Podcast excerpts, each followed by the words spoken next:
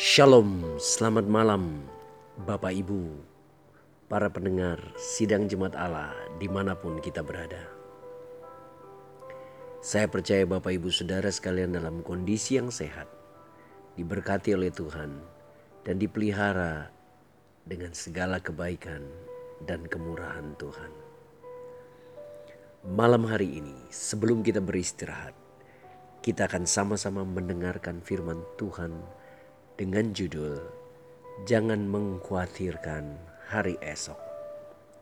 Matius pasal 6 ayat 34 berkata, Sebab itu janganlah kamu khawatir akan hari esok, karena hari esok mempunyai kesusahannya sendiri.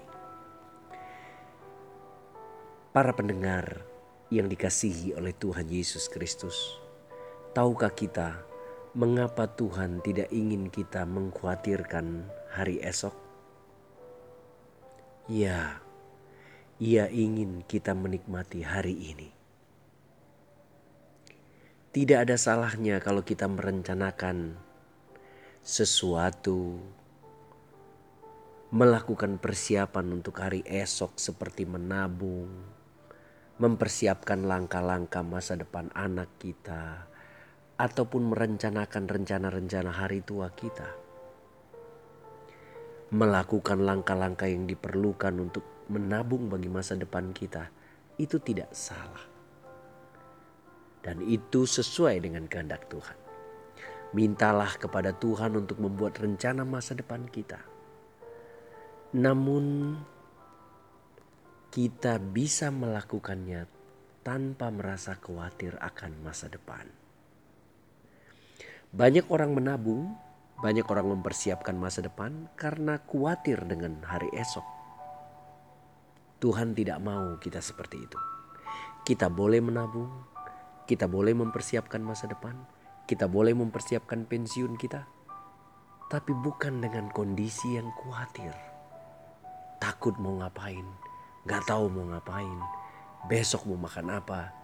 Itu adalah intimidasi dan ketakutan.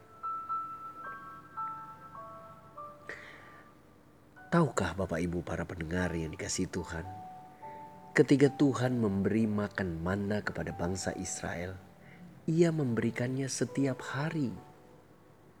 Cukup untuk hari itu. Lihat keluaran pasal 16 ayat 4. Ia tidak memberikan roti untuk esok harinya. Ia hanya memberikan yang dibutuhkan hari ini.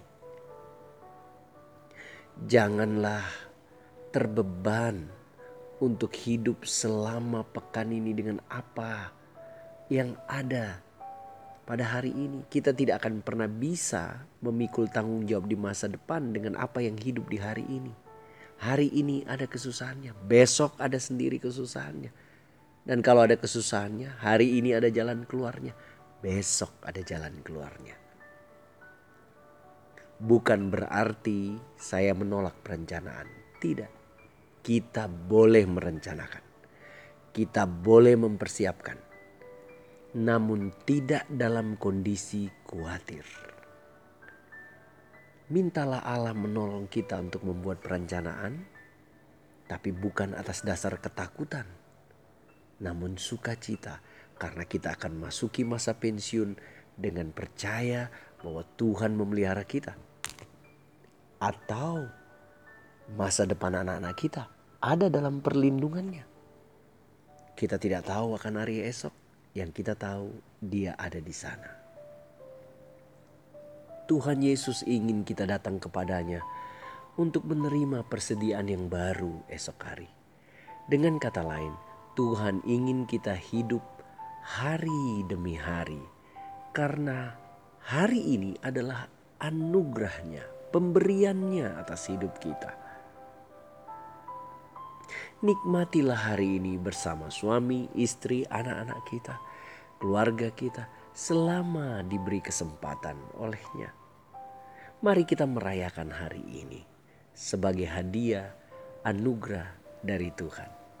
Besok tentulah besok punya kesulitannya sendiri, tekanannya sendiri, dan masalahnya sendiri.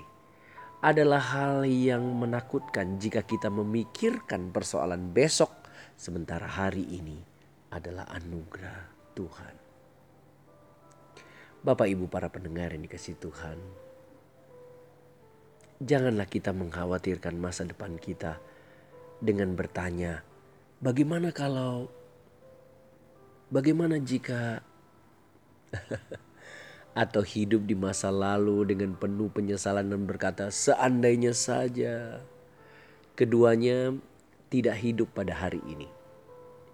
Hari ini adalah berkat dari Tuhan. Tahukah Bapak Ibu Saudara dalam bahasa Inggris hari ini disebut dalam bentuk waktunya disebut present. Dan present artinya hadiah anugerah dari Tuhan. Masa lampau adalah masa lalu. Sementara yang akan kita hadapi ke depan adalah masa depan. Masa lampau telah kita lalui. Masa depan belum kita lalui. Yang ada pada kita adalah hari ini. Nikmatilah kasihnya, nikmatilah kemurahannya. Itulah sebabnya Daud selalu rindu menikmati kemurahan Tuhan hari demi hari. Kalau Raja Daud yang punya kekuasaan, harta berlimpah dan berbagai macam otoritas dimilikinya, siapakah kita? Kita pun dapat menikmati hari ini sama seperti Raja Daud adalah karena kemurahannya.